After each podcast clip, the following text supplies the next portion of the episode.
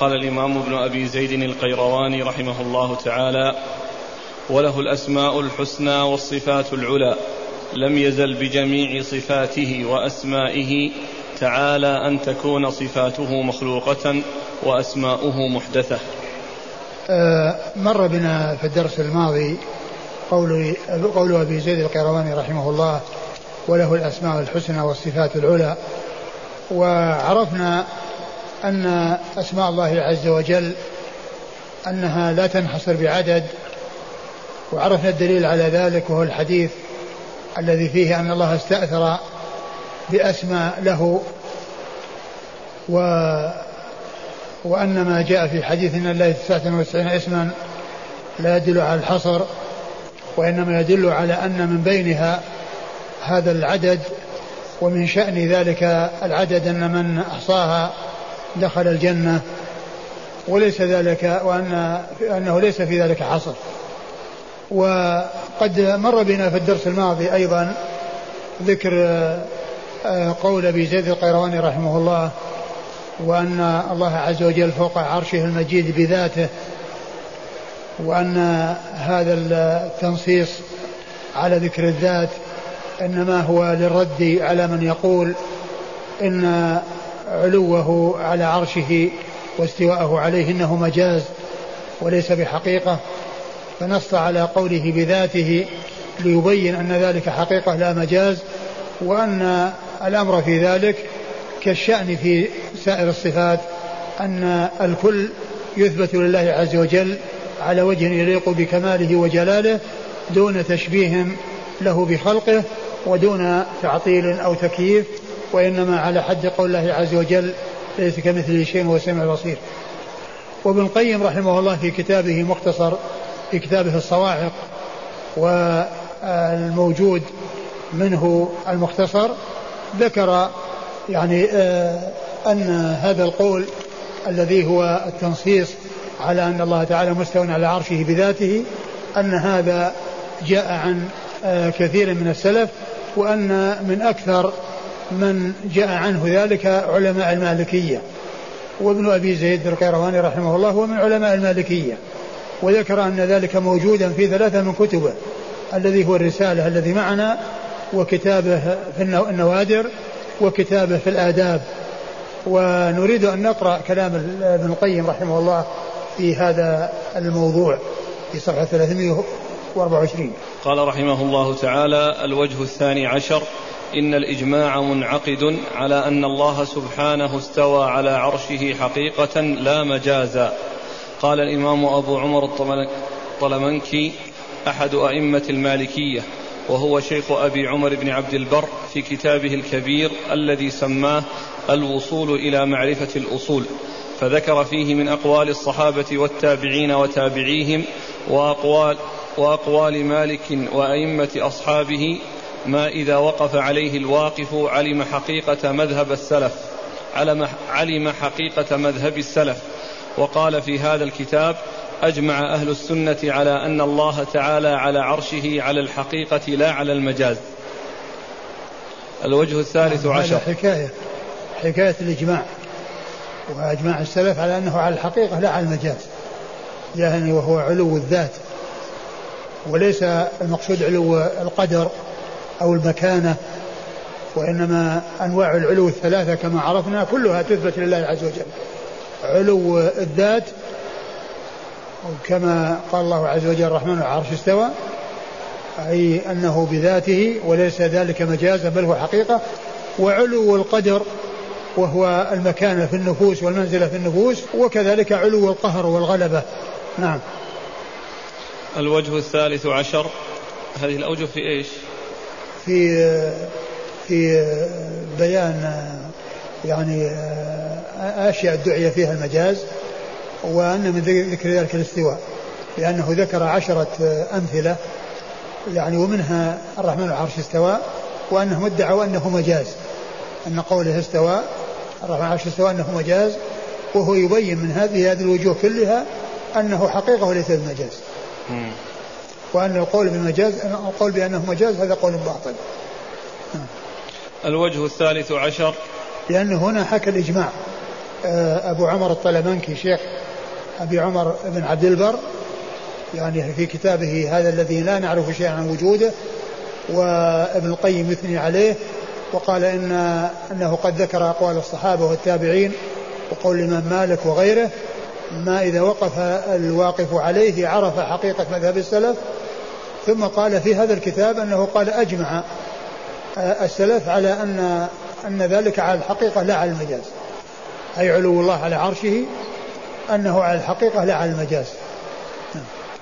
الوجه الثالث عشر قال الإمام أبو عمر بن عبد البر في كتاب التمهيد في شرح حديث النزول وفيه دليل على أن الله تعالى في السماء على العرش من فوق سبع سماوات كما قالت الجماعة. وقرر ذلك إلى أن قال وأهل السنة مجمعون على الإقرار بالصفات الواردة في القرآن والسنة والإيمان بها وحملها على الحقيقة لا على المجاز إلا أنهم لا يكيفون شيئا من ذلك ولا يحدون فيه صفة مخصوصة. وأما أهل وهذا من جنس كلام آه، شيخه آه، أبي عمر الطلمنكي قال أهل السنة مجمعون على إثبات يعني كل ما ورد على الحقيقة لا على المجاز. نعم وأما أهل البدع الجهمية والمعتزلة والخوارج فكلهم ينكرها ولا يحمل ولا يحمل شيئا منها على الحقيقة ويزعمون أن من أقر بها مشبه وهم عند من أقر بها نافون للمعبود. يعني يزعمون أي المعطله أن من أقر بالصفات مشبه لأنهم لا يتصورون الإثبات إلا مع التشبيه. لم يوفقوا إلى أن يتصوروا أن هناك إثبات مع التنزيه.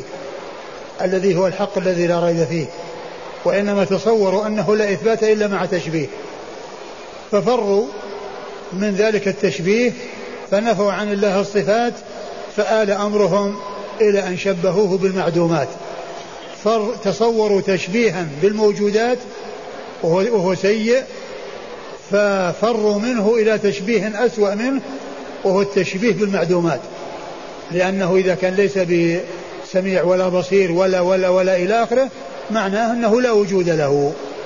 ولهذا كانت طريقة السلف في النفي أنها أن النفي عندهم يكون متضمنا إثبات كما ضده وأما هؤلاء فإن النفي عندهم يؤول إلى أن يكون الله عز وجل لا وجود له. وهذا معنى قول بعض السلف إن المعطل يعبد عدما لأنه لا وجود لمعبوده. وقال ابن عبد البر بعد أن حكى عن هؤلاء الذين يصفون المثبت بأنهم مشبهة قال وهم أي هؤلاء الذين يصفون المثبت بأنهم مشبهة عند من أقر بها نافون للمعبود. يعتبرونهم نافين يعتبر يعتبرهم أهل السنة نافين للمعبود لأنه إذا كان ليس بكذا وليس بكذا وليس بكذا فإنه لا وجود له لأنه لا لا يتصور وجود ذات آه، مجردة من جميع الصفات أو مجردة من الصفات. لا يتصور وجود ذات مجردة من الصفات. ولهذا الذهبي رحمه الله نقل هذه الجملة في كتابه العلو ثم علق عليها بقوله قلت صدق والله. يعني صدق ابن عبد البر ويقسم على ذلك. ثم ذكر مثلا آه، عزاه إلى حماد بن زيد وحماد بن زيد من علماء القرن الثاني الهجري من طبقة شيوخ شيوخ أصحاب الكتب الستة لم يدركوه وإنما رووا عنه بواسطة. قال الذهبي رحمه الله قلت صدق والله. فإن الجهمية مثلهم كما قال حماد بن زيد. إن جماعة قالوا في دارنا نخلة. فقيل لهم ألها خوص قالوا لا. قيل لها عسب؟ قالوا لا. ألها ساق قالوا لا. وكل ما يذكر صفة من صفات النخل يقولون لا ليست لا توجد في نخلتنا. قال قيل إذا ما في ذلكم نخلة. ما دام ما لها ساق ولا لها عسب. ولا لها خوص ولا ولا ليف وكل شيء من صفة النخل مفقودة فيها إذا لا يوجد نخلة عندهم لأن النخلة هي متصفة بهذه الصفات هي متصفة بهذه الصفات. فالذين ينفون عن الله الصفات ويقولون أنه ليس بسميع ولا بصير ولا ليس له وجه وليس له يد وليس له كذا وليس له كذا النتيجة أنه لا وجود لله عز وجل. أنه لا وجود لله عز وجل. قال وهم عندما قر, بها نافون للمعبود. نعم. وقال أبو عبد الله القرطبي في تفسيره المشهور في قوله الرحمن على العرش استوى. هذه المسألة للفقهاء فيها كلام. ثم ذكر قول المتكلمين ثم قال وقد كان السلف الأول لا يقولون بنفي الجهة. أو السلف الأول. نعم. وقد كان السلف الأول لا يقولون بنفي الجهة ولا ينطقون بذلك بل نطقوا هم والكافة بإثباتها لله تعالى كما نطق به في كتابه. الذي هو العلو مقصود الجهة هي من من من لفظ الجهة من الألفاظ التي ما جاءت في الكتاب والسنة وقد جاءت في كلام المتكلمين. ويعني المتكلمون يقولون إن الله ليس في جهة يريدون أن الله ليس في العلو. وينفون أن الله عز وجل في العلو وأنه فوق العرش. وأهل السنة يقولون إن هذا اللفظ مجمل. هذا اللفظ مجمل. فلا بد من توضيحه وتفسيره. فإن أريد بلفظ الجهة أن الله عز وجل في يعني في جهة مخلوقة وأنه يحويه شيء مخلوق فالله عز وجل منزه عن ذلك. لأنه لا يحويه شيء مخلوقاته.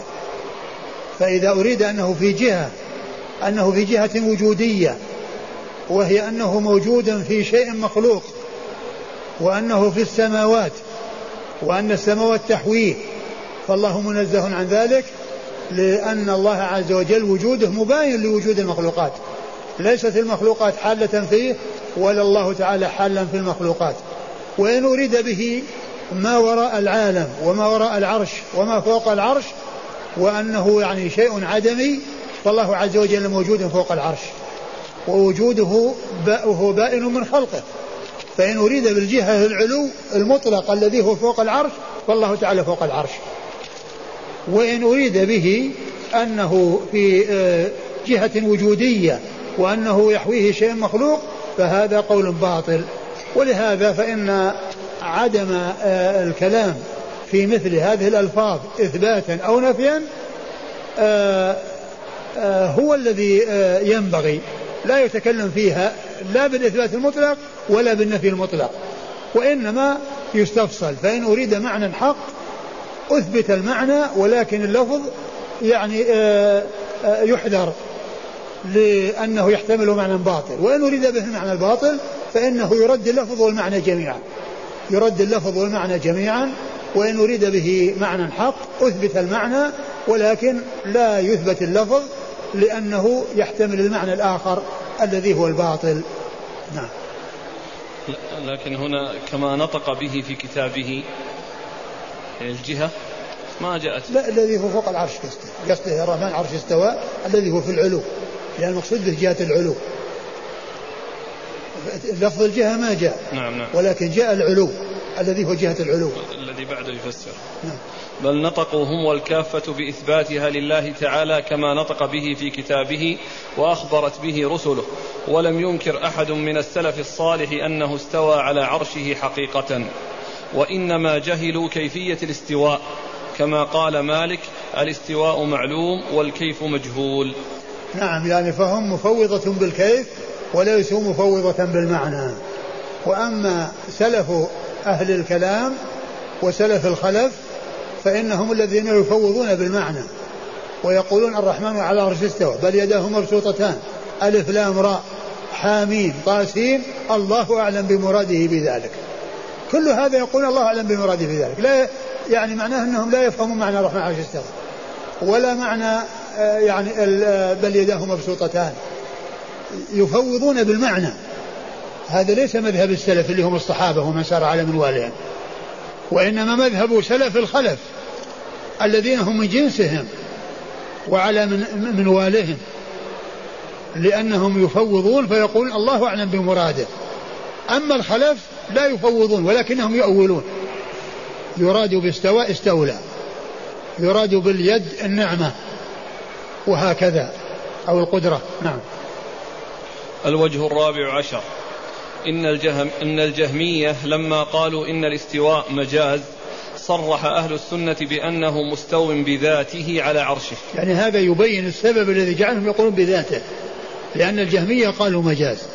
فاحتاج السلف ومن كان على منهاجهم أنهم يصرحون بما يفيد الحقيقة وينفي المجاز. بما يفيد الحقيقة ويثبت الحقيقة وينفي المجاز. وهذا من جنس.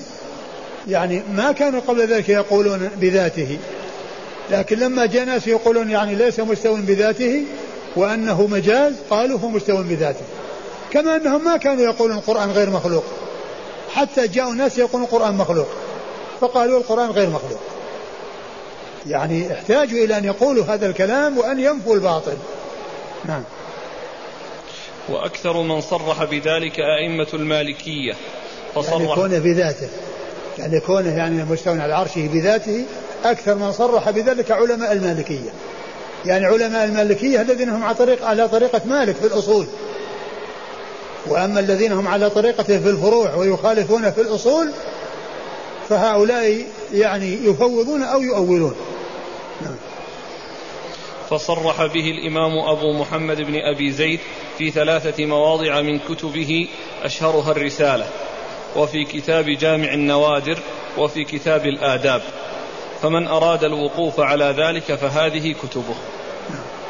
وصرح بذلك القاضي عبد الوهاب وقال إنه استوى بالذات على العرش. وصرح به القاضي أبو بكر الباقلاني وكان مالكيا حكاه عنه القاضي عبد الوهاب نصا. وصرح به أبو عبد الله القرطبي في كتاب شرح أسماء الله الحسنى. فقال ذكر أبو بكر الحضرمي من قول الطبري يعني محمد بن جرير وأبي محمد بن أبي زيد وجماعة من شيوخ الفقه والحديث وهو ظاهر كتاب القاضي عبد الوهاب عن القاضي أبي بكر وأبي الحسن الأشعري. وحكاه القاضي عبد الوهاب عن القاضي أبي بكر نصا وهو أنه سبحانه مستو على عرشه بذاته وأطلقوا في بعض الأماكن فوق خلقه. قال وهذا قول القاضي أبي بكر في تمهيد الأوائل له وهو قول أبي عمر بن عبد البر والطلمنكي وغيرهما من الأندلسيين قول الخطابي في شعار الدين. وقال أبو بكر محمد بن موهب المالكي في شرح رسالة ابن أبي زيد قوله إنه فوق عرشه المجيد بذاته معنى فوق وعلى عند جميع العرب واحد. معنى فوق وعلى عند جميع العرب واحد. وفي كتاب الله تعالى وسنة رسوله صلى الله عليه وسلم تصديق ذلك. ثم ذكر النصوص من الكتاب والسنة واحتج بحديث الجارية وقول النبي صلى الله عليه وآله وسلم لها أين الله؟ وقولها في السماء وحكمه بإيمانها. وذكر حديث قوله في السماء يعني مثل قول آمنتم من في السماء.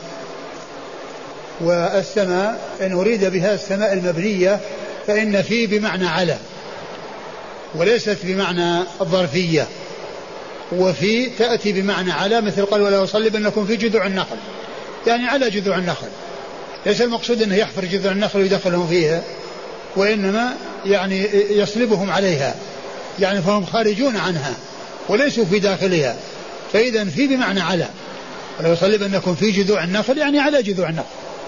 لأن لأن لو كانت إنها الظرفية والحصر يعني آه، يفتح جذوع النخل ويدخلهم فيها. وأما وإنما جاءت بمعنى على. هذا إن أريد به السماء المبنية. يعني أنه أنه عليها يعني فوقها. وإن أريد بالسماء العلو المطلق فإن العلو منه يعني ما يكون يعني بالنسبة لنا فوقنا وهو في داخل المخلوقات ومنه ما هو فوق العرش. فلا يكون في شيء موجود. والله عز وجل فوق العرش بذاته سبحانه وتعالى. نعم. وذكر حديث الإسراء ثم قال وهذا قول مالك فيما فهمه عن جماعة ممن أدرك من التابعين. وذكر حديث الإسراء يعني أنه عرج به إلى الله. عرج به إلى الله ذهب من الأرض إلى السماء وتجاوز السماء السماء السابعة. يعني يعني إلى الله عز وجل. نعم. ثم قال وهذا قول مالك فيما فهمه عن جماعة ممن أدرك من التابعين فيما فهموا من الصحابة فيما فهموا عن نبيهم صلى الله عليه وآله وسلم أن الله في السماء بمعنى فوقها وعليها. قال الشيخ أبو محمد إنه بذاته فوق عرشه المجيد. فتبين أن علوه على عرشه وفوقه إنما هو بذاته. إلا أنه باين من, من جميع خلقه بلا كيف. وهو باين من جميع خلقه بلا كيف. يعني آه، كيفية ارتفاعه على العرش وعلوه على العرش لا يكيف. لا يقال كيف استوى كما قال السائل للإمام مالك وأنكر عليه ذلك. قال الرحمن عرش استوى وكيف استوى؟ فغضب مالك وقال الاستواء معلوم والكيف مجهول. والإيمان به واجب والسؤال عنه بدعة. لأن هذا مما لا يعلمه إلا الله عز وجل. فالكيفية موجودة والله يعلمها لكن لا يعلمها الناس. ولهذا يعني أنه آه، يقولون في الصفات أنه آه، تثبت في الصفات بلا كيف أي بلا تكييف منا ومحاولة لمعرفة الكيفية. وأما كون له كيفية الله تعالى يعلمها آه، فالأمر كذلك. نعم. إلا أنه باين من جميع خلقه بلا كيف وهو في كل مكان من الأمكنة المخلوقة بعلمه لا بذاته. إذ لا تحويه الأماكن لأنه أعظم منها إلى أن قال وقوله على العرش استوى إنما كلام كلام ابن أبي زيد؟ اللي هو ينقل الكلام هذا. نقل هذا الشارح. قال أبو بكر محمد بن موهب المالكي في شرح رسالة ابن أبي زيد. أين أين نعيد من أوله. نعم.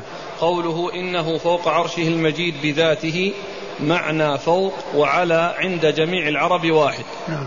وفي كتاب الله تعالى وسنة رسوله صلى الله عليه وآله وسلم تصديق ذلك. ثم ذكر النصوص من الكتاب والسنة واحتج بحديث الجارية وقول النبي صلى الله عليه وآله وسلم لها أين الله وقولها في السماء وحكمه بإيمانها. وذكر حديث الإسراء. ثم قال وهذا قول مالك فيما فهمه عن جماعة ممن أدرك من التابعين فيما فهموا من الصحابة فيما فهموا عن نبيهم صلى الله عليه وآله وسلم أن الله في السماء بمعنى فوقها وعليها. قال الشيخ أبو محمد إنه بذاته فوق عرشه المجيد. فتبين أن علوه على عرشه وفوقه إنما هو بذاته إلا أنه باين من جميع خلقه بلا كيف. وهو في كل مكان من الأمكنة المخلوقة بعلمه لا بذاته إذ لا تحويه الأماكن لأنه أعظم منها. إلى أن قال نعم، وقوله على العرش استوى إنما معناه عند أهل السنة على غير معنى الاستيلاء والقهر والغلبة والملك الذي ظنت المعتزلة ومن قال بقولهم أنه معنى الاستواء. وبعضهم يقول إنه على المجاز لا على الحقيقة. قال ويبين سوء تأويلهم في استوائه على عرشه على غير ما تأولوه من استيلاء وغيره ما قد علمه أهل المعقول أنه لم يزل مستوليا على جميع مخلوقاته بعد اختراعه لها وكان العرش وغيره في ذلك سواء. فلا معنى لتأويلهم بإفراد العرش بالاستواء الذي هو في تأويلهم الفاسد استيلاء وملك وقهر وغلبة. ثم أيضا الاستواء على العرش إنما كان بقد خلق السماوات والأرض. والعرش كان موجودا قبل خلق السماوات والأرض. كما جاء يعني في وكان عرشه على الماء. كتب الله مقادير قبل خلق السماوات وكان عرشه على الماء. العرش كان موجود. وذكر الاستواء عليه إنما كان بعد خلق السماوات والأرض. إن ربكم الله الذي خلق السماوات والأرض في ستة أيام ثم استوى على العرش. فيعني قضية لو كان قضيه قضية استيلاء اذا قبل قبل ذلك كيف يكون الأمر؟ يعني ما فيه استيلاء؟ يعني ما كان مالكا له وما كان مستوليا عليه قبل أن قبل أن يخلق السماوات والأرض مع أنه كان موجودا قبل خلق السماوات والأرض الذي في العرش والماء الذي فوق تحته وكان عرشه على الماء فالماء موجود والعرش موجود والسماوات والأرض ما خلقت بعد وإنما خلقت فيما بعد ذلك. فلو قال كان قوله ثم استوى على العرش يعني معنى ثم استولى على العرش يعني بعد خلق السماوات والأرض قبل ذلك من الذي كان مستوليا عليه؟ هذا كلام باطل. فلا معنى لتأويلهم بإفراد العرش بالاستواء الذي هو في تأويلهم الفاسد استيلاء وملك وقهر وغلبة. قال وذلك أيضا يبين أنه على الحقيقة بقوله ومن أصدق من الله قيلا. فلما رأى المصنفون إفراد ذكره بالاستواء على العرش بعد خلق السماوات وأرضه وتخصيصه بصفة الاستواء علموا أن الاستواء غير الاستيلاء فاقروا بوصفه بالاستواء على عرشه وأنه على الحقيقة لا على المجاز لأنه الصادق في قيله ووقفوا عن تكييف ذلك وتمثيله إذ ليس كمثله شيء هذا لفظه في شرحه. اللي هو آه، ابن محمد أبو بكر محمد بن موهب المالكي. نعم انتهى. الوجه الخامس عشر. يعني وش هو؟ أن الأشعري حكى إجماع أهل السنة على بطلان تفسير الاستواء بالاستيلاء. أن الأشعري؟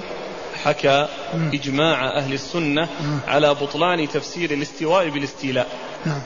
يعني هذا الذي يعتمد عليه الأشاعرة ويتابعونه على يعني على في هذا المذهب يعني حكى يعني الإجماع على بطلان التفسير بالاستيلاء. نعم. الوجه الخامس عشر إن الأشعري حكى إجماع أهل السنة على بطلان تفسير الاستواء بالاستيلاء ونحن نذكر لفظه بعينه الذي حكاه عنه أبو القاسم بن عساكر في كتاب تبيين كذب المفتري وحكاه قبله أبو بكر بن فورك وهو موجود في كتبه. قال في كتاب الإبانة وهو آخر كتبه قال باب ذكر الاستواء إن قال قائل ما تقولون في الاستواء؟ قيل نقول له إن الله تعالى مستو على عرشه كما قال تعالى الرحمن على العرش استوى. وساق الأدلة على ذلك ثم قال وقال قائلون من المعتزلة والجهمية والحرورية إن معنى قوله الرحمن على العرش استوى إنه استولى وملك وقهر. وجحدوا أن يكون الله على عرشه كما قال أهل الحق. وذهبوا في الاستواء أن يكون الله على عرشه يعني حقيقة كما قال أهل الحق. نعم. وذهبوا في الاستواء إلى القدرة ولو كان هذا كما قالوا كان لا فرق بين العرش والأرض السابعة السفلى. لأن الله تعالى قادر على كل شيء والأرض والسماوات وكل شيء وكل شيء في العالم. فلو كان الله مستويا على العرش بمعنى الاستيلاء والقدرة لكان مستويا على الأرض والحشوش والأنتان والأقدار. لأنه قادر على الأشياء كلها. ولم نجد أحدا من المسلمين يقول إن الله مستو على الحشوش والأخلية فلا يجوز أن يكون معنى الاستواء على العرش على معنى هو عام في الأشياء كلها. ووجب أن يكون معنى الاستواء يختص بالعرش دون سائر الأشياء. وهكذا قال في كتابه الموجز وغيره وهو غير الاستيلاء. وهو غير الاستيلاء لأن الاستواء على العرش يعني علوه عليه وارتفاعه عليه فهو شيء غير الاستيلاء. لأن الاستيلاء لا يختص بالعرش. نعم. وهكذا قال في كتابه الموجز وغيره من كتبه. الوجه السادس عشر إن هذا البيت محرف وإنما هو لا خلاص انتهى خرج على كل يعني هذا كلام يعني كلام العلماء المتقدمين آه الذين يعني آه، يثبتون لله ما أثبت لنفسه على الحقيقة ولا آه، يتعرضون لذلك بتكييف ولا تمثيل ولا آه أيضا آه آه يصيرون إلى التعطيل فيحتاجون إلى أن يؤولوا أو يعني يحرفوا النصوص عما تدل عليه ويصرفونها إلى أمور لا تدل عليها. نعم نرجع إلى كلام ابن أبي زيد. ولم يزل. لم يزل بجميع صفاته وأسمائه تعالى أن تكون صفاته مخلوقة وأسماؤه لم, لم يزل لم يزل بجميع أسمائه وصفاته. بجميع أسمائه وصفاته. صفاته وأسمائه. نعم. لم صفات لم يزل بجميع صفاته وأسمائه. نعم. لم يزل بجميع بجميع أسمائه وصفاته. يعني أنه آآ آه، آآ آه، لا بداية له ولا بداية لأسمائه ولا بداية لصفاته. لا بداية له لا لذاته ولا لأسمائه ولا صفاته. لا بداية يعني لذلك. فهو لم يزل متصفا بالصفات ولم يزل متسمي متسميا بالأسماء التي آه، سمى بها نفسه. فلم يكن الاسم حصل له قبل أن بعد أن لم يحصل ولم تكن الصفة قد حصلت له بعد أن لم يكن متصفا. لكن الصفات يعني كما هو معلوم منها ما هو صفات ذاتية كالحياة والعلم والقدرة والوجه واليد وغير ذلك هذه صفات ذاتية. وهناك صفات فعلية تتعلق بالمشيئة والإرادة مثل الكلام والخلق والإيجاد والإحياء والإماتة والرزق وغير ذلك فهذه تتعلق بالمشيئة. فالصفات الذاتية لله عز وجل آه، أزلية. والصفات الفعلية يقول العلماء عنها أنها قديمة النوع ولكنها حادثة الآحاد. قديمة النوع حادثة الآحاد بمعنى أن الله عز وجل إذا شاء أن يفعل يعني شيئا فعله وإذا شاء أن يخلق شيئا خلقه وإذا شاء أن يتكلم تكلم وذلك تابع لمشيئته وإرادته. فيقولون إن الله لم يزل متصفا بالصفات بصفات الكمال أزلا. فهو لم يزل آه، آه، مريدا ولم يزل متكلما ولم يزل فاعلا وأنه لم يكن معطلا عن الفعل ثم حصل منه الفعل ولم تكن المخلوقات قديمة كما أن الله تعالى أزلي. بل كل مخلوق إنما كان بإيجاد الله عز وجل له وبكونه أوجده سبحانه وتعالى. لكن لا يقال إن كل ما ورد من الصفات لله عز وجل آه يعني آه وجاء في في الكتاب والسنة أنه يقال إنه أزلي. فالاستواء على العرش ما يقال إنه أزلي لأن العرش هو نفسه كان بعد أن لم يكن. ولكن الشيء الذي آه هو أزلي كونه فاعل مختار يفعل ما يشاء ويحكم ما يريد متصف بذلك أزلا ويدخل في ذلك الاستواء ويدخل في ذلك النزول ويدخل في ذلك المجيء. الله عز وجل يأتي لفصل القضاء بين الناس يعني في الموقف يوم القيامة. وهذا المجيء إنما يحصل في ذلك الوقت. لا يقال المجيء لفصل القضاء أنه أزلي ولكن هذا من جملة أفعاله التي هي تابعة لمشيئته وإرادته. لكنه لم يكن معطلا من الفعل ثم فعل وإنما كان فاعلا ولم يكن معطلا من الفعل ولكن أفعاله بمشيئته وإرادته آه، آه، يفعل ما يشاء ويحكم ما يريد. فهو يأتي لفصل القضاء وذلك في آه، يوم القيامة. وهذا فعل يحصل منه في ذلك الوقت. وينزل إلى السماء الدنيا في كل ليلة ويقول من يسألني فأعطيه من يستغفرني فأغفر له كما جاء ذلك الحديث عن رسول الله صلى الله عليه وسلم. لكن لا يقال إن نزوله إلى السماء الدنيا أزلي لأن السماوات خلقت وكانت بعد أن لم تكن. ولكن الشيء الأزلي كونه يفعل بمشيئته وإرادة ما يشاء. فاتصافه بالصفات يعني آه، كونه متصف بالفعل وأنه يفعل ما يشاء ويحكم ما يريد هذا أزلي. ولكن ليست كل الأفعال تكون أزلية فهي منها فهي آحاد والآحاد تحصل في الوقت الذي شاء الله أن توجد فيه. مثل الكلام. الكلام قديم النوع حادث الآحاد. لم يكن الله غير متكلم ثم تكلم بل هو متكلم بلا ابتداء ويتكلم بلا انتهاء. وكلامه بمشيئته وإرادته. شاء أن يكلم موسى فكلمه في زمانه. وشاء أن يكلم محمدا صلى الله عليه وسلم فكلمه ليلة المعراج. وشاء أن يكلم أهل الجنة إذا دخل الجنة فهو يكلمهم إذا دخل الجنة. فهذه من آحاد الكلام. هذه من آحاد الكلام. فإذا هو قديم النوع حادث الآحاد. كلام الله تعالى قديم النوع حادث الآحاد.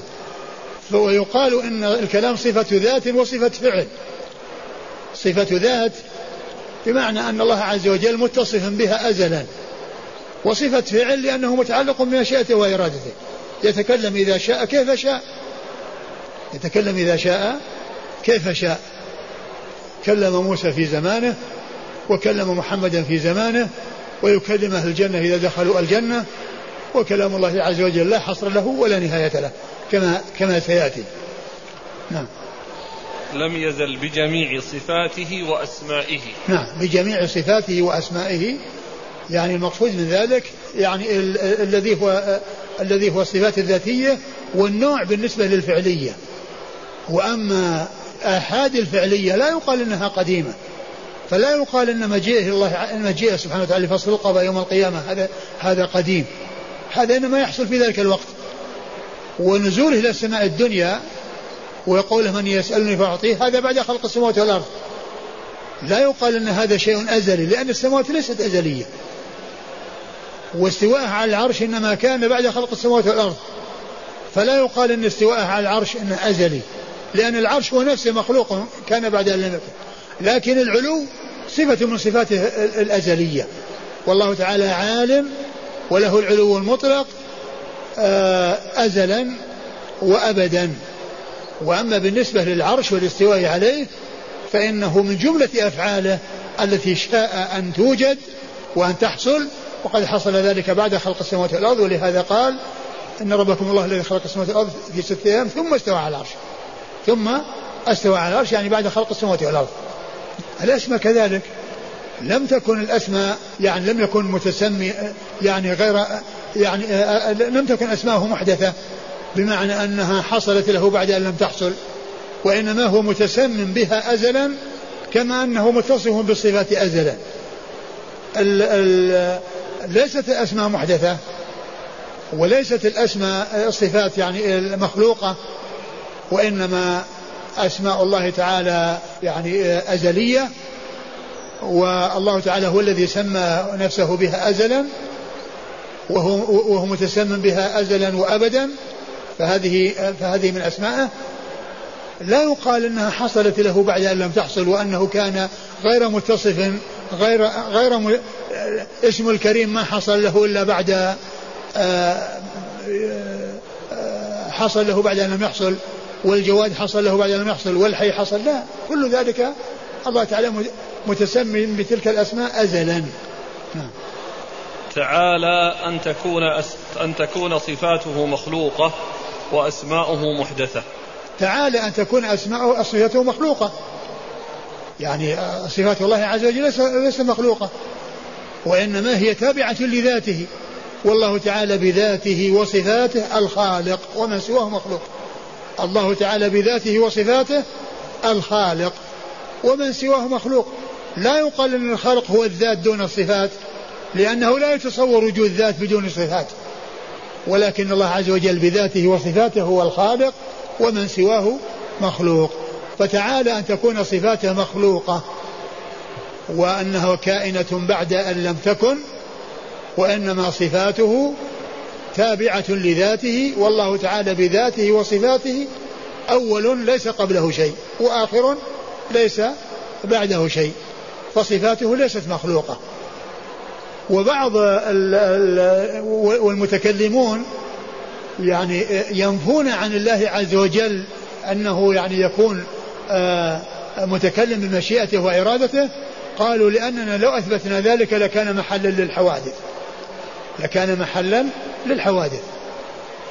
وهذه الكلمة من الكلمات المجملة مثل كلمة الجهة لا يعني تثبت ولا تنفى لا تثبت بإطلاق ولا تنفى بإطلاق وإنما يسأل عن المراد بكونه محلا للحوادث. إن أريد بكونه محلا للحوادث الله لا يكون محلا للحوادث أن المخلوقات تحل فيه وأنه يكون محلا لها فهذا منفي عن الله عز وجل لأن وجود الله مباين لوجود المخلوقات. وإن أريد بكونه ليس محلا للحوادث إن الله لا يتكلم بمشيئته ولا إرادته فهذا كلام غير صحيح. بل الله عز وجل يتكلم بمشيئته وإرادته وكلامه قديم النوع حادث الآحاد. لأن الكلام الذي كلم به موسى حصل في موسى. ما هو كلامه لموسى أزلي؟ يقول يا موسى إني اصطفيت عن الناس برسالتي. يقول هذا في الأزل؟ وأنه آه وأن ذلك إنما حصل أزلا بل حصل في الزمان الذي كان به موسى وسمع موسى كلام الله من الله. وسمع موسى كلام الله من الله. نعم. تعالى أن تكون صفاته مخلوقة وأسماؤه محدثة. وأسماؤه محدثة يعني أنه تسمى بعد أن لم يكن متسميا. يعني المخلوقون أسماهم محدثة. إذا ولد المولود يسمى. اسمه ما هو موجود؟ إلا لما وجد. اسم المخلوق يعني سمي بعد أن وجد. عندما يولد المولود يسمى. ما هو اسمه موجود قبل أن يولد؟ فهو محدث واسمه محدث. نعم. محدث مخلوق واسمه محدث معه. والله عز وجل لا بداية له فلا بداية لتسميه ولا بداية لاتصافه بالصفات. كلم موسى بكلامه الذي هو صفة ذاته. لا خلق لا خلق من خلقه. نعم كلم موسى بكلامه الذي هو صفة ذاته. لأن الكلام صفة ذات من حيث أنه ليس له بداية وهو صفة فعل لأنه متعلق بالمشيئة والإرادة.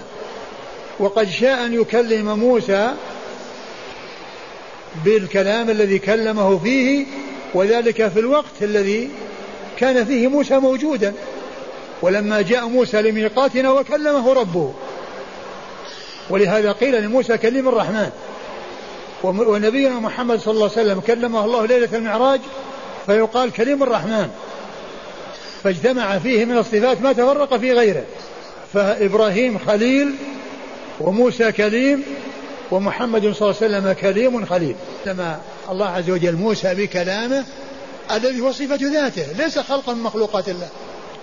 يعني مثل ما يقول بعض المعتزلة أن الله خلق الكلام في الشجرة فظهر الكلام من الشجرة. خلق الله الكلام في مكان وظهر الكلام من المكان الذي خلق فيه. خلق الله الكلام في الشجرة وظهر الكلام من الشجرة. وكيف وكيف يكون ذلك؟ إني أنا الله رب العالمين. آه، الشجرة تقول اني أنا الله رب العالمين والكلام ظهر منها وإنما الكلام بدأ من الله كما يقول السلف وكما يقول الطحاوي في عقيدة السنة وأن القرآن كلام الله منه بدأ. بلا كيفية قولا. منه بدأ يعني ما بدأ من غيره.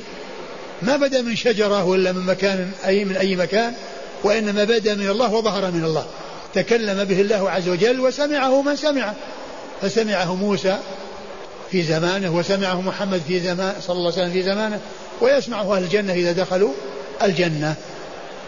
فهو كلام يعني يتكلم الله به وبحرف وصوت وب يعني صوت مسموع و كلام الله عز وجل كيفيته لا تعرف وأما معناه فإنه معروف. تكلم بكلام سمع منه سمعه موسى ولهذا موسى اشتاق إلى الرؤيا لما سمع الكلام. لما سمع كلام الله اشتاق إلى الرؤيا قال ربي أرني أنظر إليك. لما سمع كلام الله طلب من الله أن يريه. نعم. كلم موسى بكلامه. الذي هو صفة ذاته لا خلق من خلقه. الذي هو صفة ذاته وليس خلقا من خلقه كما تقول المعتزلة ومن على طريقتهم. أن الله تعالى خلق الكلام في مكان وأن الكلام يظهر من المكان الذي خلق فيه. فيكون الكلام مخلوق وقد خلق في شيء مخلوق. ونزل من ذلك المخلوق. الله خلق الكلام في مكان ونزل من ذلك المكان. ولم ينزل من عند الله ولم يتكلم الله به ولم يسمعه يسمعه جبريل من الله كما يعني هذا هو مقتضى كلام المعتزلة. خلقه الله في مكان فظهر الكلام من ذلك المكان. وأهل السنة يقولون الكلام بدأ من الله وظهر من الله. وأن القرآن كلام الله منه بدأ بلا كيفية قولا. يعني معناه أنهم لا يعرفون الكيفية التي يكون حصل بها الكلام. والمعطلة البلاء الذي أصابهم وألجأهم إلى التعطيل هو تصور التشبيه. هذه البلية والمصيبة التي أوصلتهم إلى كل شر. أنهم تصوروا أنه لا إثبات إلا مع تشبيه. ففروا من التشبيه فصاروا إلى التعطيل والتأويل. ومن الأشياء التي يعني آه، يتصورونها ويقولونها قال لو كان الله تعالى يتكلم بصوت يسمع لزم أن يكون له لسان وأن يكون له لهات وأن يكون له شفتين وأن يكون له مخارج حروف لأن لا نتصور كلام إلا مثل هذه الهيئة التي نشاهدها ونعينها. إذا ننفي أن الله تعالى يتكلم بصوت. فإذا يكون كلامه خلق من مخلوقاته خلقه الله تعالى في مكان. هذا قول المعتزلة. وأما الأشاعرة فقالوا إن الله إن, إن كلام الله معنى واحد قائم بنفسه. معنى واحد قائم بنفسه. إن عبر عنه بالعبرية قيل له توراة. وإن عبر عنه بالسريانية قيل له إنجيل. وإن عبر عنه بالعربية قيل له قرآن. وهو معنى واحد. وهو معنى واحد. والموجود في المصحف ليس كلام الله عند عند عند الأشاعرة. ليس كلام الله. وإنما كلام الله معنى قائم بالنفس. والموجود في المصحف عبارة عن كلام الله. عبارة عن كلام الله. والمعبر هو إما جبريل وإما رسول الله صلى الله عليه وسلم. فآل الأمر إلى أن يكون الكلام الذي في المصحف عندهم مخلوق. لأن الكلام الحقيقي عندهم هو المعنى القائم بالنفس. وأما الموجود في المصحف فهو عبارة عن الكلام وليس هو الكلام. ليس هو الكلام. والله عز وجل يقول وإن أحد من المشركين استجارك فاجره حتى يسمع كلام الله. فأخبر بأن الذي يسمعه الذي يستجير ليسمع كلام الله هو نفسه كلام الله عز وجل. وليس خلقا من مخلوقات الله وليس عبارة عن كلام الله وإنما هو نفسه كلام الله سبحانه وتعالى. فقولهم أنه لا يتصور آه كلام إلا وفقا لما نشاهده فإذا احتاجوا إلى أن يؤولوا. هذا كلام هذا كلام غير صحيح. أولا لا تلازم بين الإثبات والتشبيه. فهناك إثبات مع تشبيه وهذا باطل. وهناك إثبات مع تنزيه وهذا حق. هناك إثبات مع تنزيه وهو حق. ليس كمثل شيء والسمع البصر. أثبت السمع والبصر ونفى المشابه. فله سمع لا كالأسماع وبصر لا كالأبصار. لا يقال أنه لا يثبت الكلام لأن أنه لو أثبت الكلام لا لازم التشبيه لأنه لا يتصور كلام إلا وفقا لما نعقل ونشاهد فإن هذا غير غير صحيح لأن الكلام يوجد الإثبات يكون مع تشبيه وهذا باطل ويكون مع تنزيه وهذا حق ليس كمثله شيء وهو السمع البصير. ليس كمثله شيء وهو السمع البصير. الوجه الثاني أن يقال أننا لا نسلم أن كل كلام لا يعقل إلا وفقا لما نشاهده ونعاينه. ويدل لذلك شيء جاء في الكتاب والسنة في الدنيا والآخرة. أما الذي في الدنيا فإن الرسول الكريم صلى الله عليه وسلم أخبر أن هناك حجر بمكة كان يسلم عليه قبل البعثة. إذا مر عليه قال الحجر السلام عليك يا محمد. هذا الحجر كيف تكلم؟ كلامه لم يحصل منه إلا بلهات وحنجرة ومخارج حروف وأنه لا يتصور كلام إلا بهذه الطريقة. فهذا الحجر ظهر منه الكلام ولا عرف كيف ظهر منه الكلام. ولم يشاهد له لسان ولا آه، آه، لهات ولا مخارج حروف.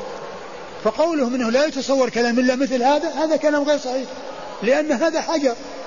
تصور منه الكلام وظهر منه الكلام ولم يعرف حقيقة كلامه ولم يشاهد منه لسان وحنجرة ومخارج حروف وإنما ظهر منه الكلام. هذا في الدنيا. وأما في الآخرة فقد أخبر الله عز وجل أنه يختم على الأفواه وتنطق الأيدي والأرجل والجلود بما كان يعمل الإنسان. اليوم نختم على أفواههم وتكون من أيديهم. تشهد أرجلهم بما كانوا يعملون.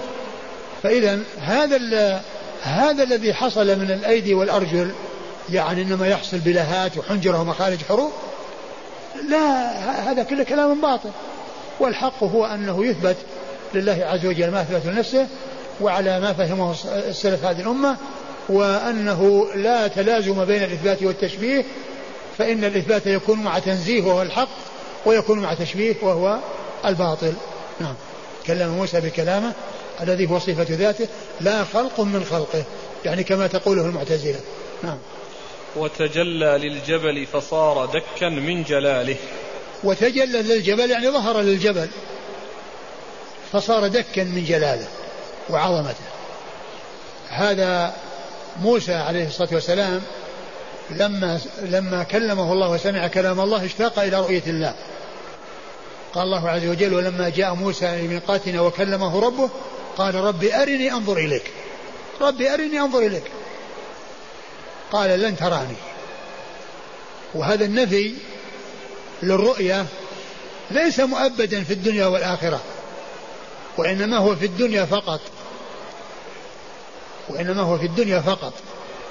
لأن الله عز وجل ادخر رؤيته لتكون أكمل نعيم يكون في دار النعيم.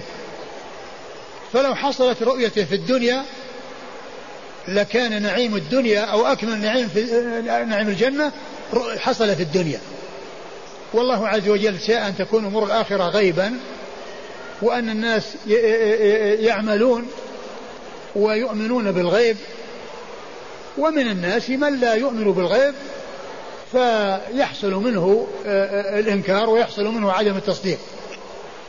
فقول لن تراني يعني لن تراني في الدنيا. وليس معنى ذلك أنه لا يراه لا في الدنيا ولا في الآخرة كما تقوله المعتزلة. ومن هو على طريقة ومن هم على طريقة المعتزلة؟ الذين ينفون عن الله أنه يرى ويقول أنه لا يرى لا في الدنيا ولا في الآخرة. لا يرى أبدا. ويقولون إن لن للتأبيد. وهذا غير صحيح لأن لن ليست للتأبيد. لأنه قد جاء في القرآن ذكر لن ومعها لفظ التأبيد ومع ذلك أفادت عدم التأبيد كما قال الله عز وجل ولن يتمنوه أبدا بما قدمت أيديهم يعني لن يتمنوا الموت. وقد تمنوه قالوا يا مالك آه ليقضي علينا ربك يعني يعني طلبوا أن, أن, أن أنه أن يموتوا. فهم تمنوا الموت في الآخرة. يعني لما حصل لهم العذاب. والله تعالى قال ولن يتمنوه أبدا بما قدمت أيديهم. ولن يتمنوه أبدا. فإذا النفي بلن جاء ومعه ذكر التأبيد ومع ذلك لم يفد أنه ما حصل ذلك لا في الدنيا ولا في الآخرة. بل حصل في الآخرة أنهم تمنوا الموت. ولهذا يعني عند ابن مالك في في الكافية الشافية يقول ومن رأى النفي بلن مؤبدا فقوله اردد وسواه فاعبدا ومن رأى النفي بلن مؤبدا فقوله اردد وسواه فاعبدا وعلى هذا فهذه الآية لا تدل آه، آه، المعتزلة ومن قال بقولهم على أن الله تعالى لا يرى في الآخرة لأن لن للتأبيد وهي تشمل الدنيا والآخرة. تشمل الدنيا والآخرة. وموسى عليه الصلاة والسلام سأل أمرا ممكنا ما سأل أمرا مستحيلا. يعني قال ربي أريني أنظر إليك.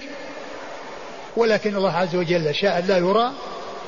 والله تعالى يعني لم يعطي الناس في الدنيا قوة على رؤيته ولو شاء لا أعطاهم لأنه يعطيهم القوة في الآخرة إلى أن يتمكنوا من رؤيته. وفي الدنيا لا يتمكنون من رؤيته. والله تعالى قال لموسى انظر إلى الجبل فإن استقر مكانه فسوف تراني. وتجلى للجبل يعني شيء يسير من عظمة الله عز وجل جاء في الحديث أنها مقدار يعني إصبع أو طرف إصبع فاندك الجبل وتساوى بالأرض لعظمة الله عز وجل مع أنه آه، فيه من الصلابة وفيه من القوة ما ليس في المخلوق وعند ذلك خر موسى صاعقا. عندما رأى الجبل حصل له هذا الذي حصل لتجلى الله عز وجل.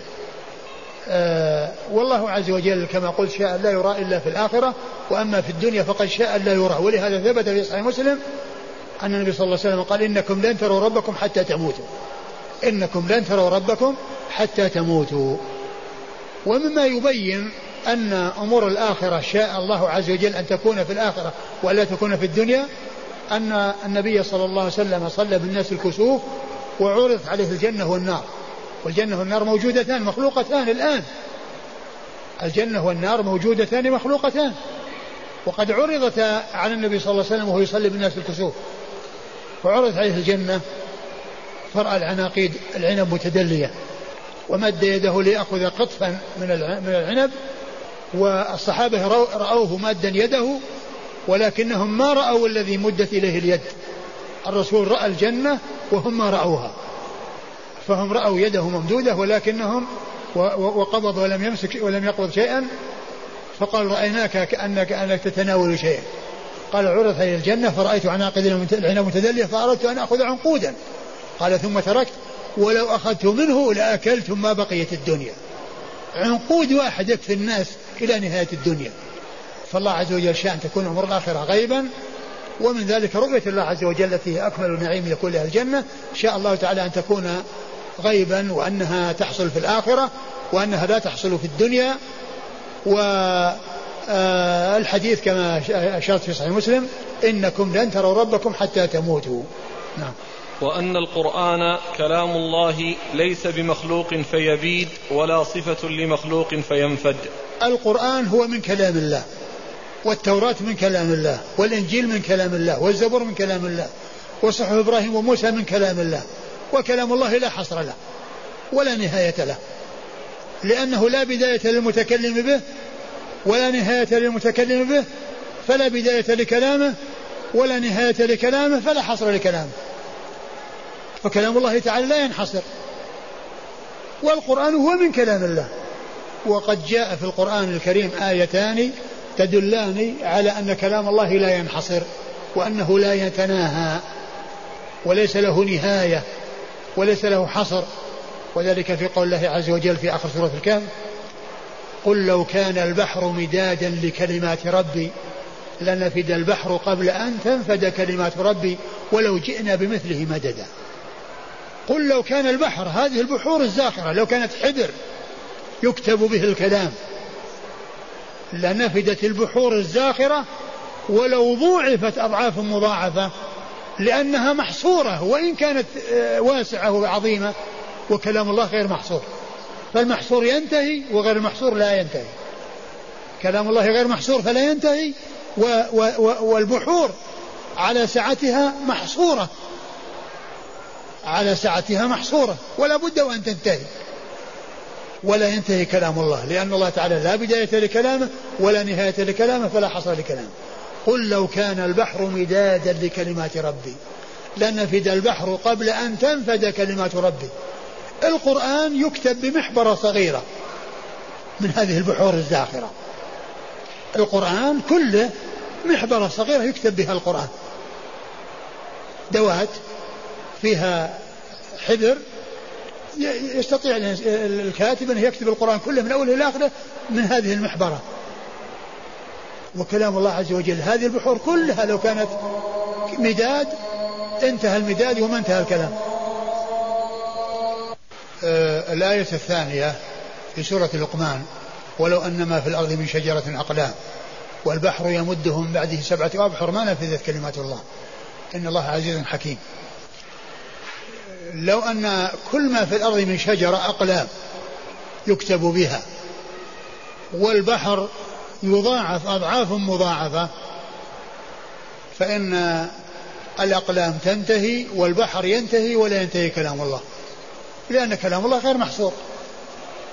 لأن المتكلم لا بداية له ولا نهاية له وكلامه, وكلامه لا بداية له ولا نهاية له فلا حصر له.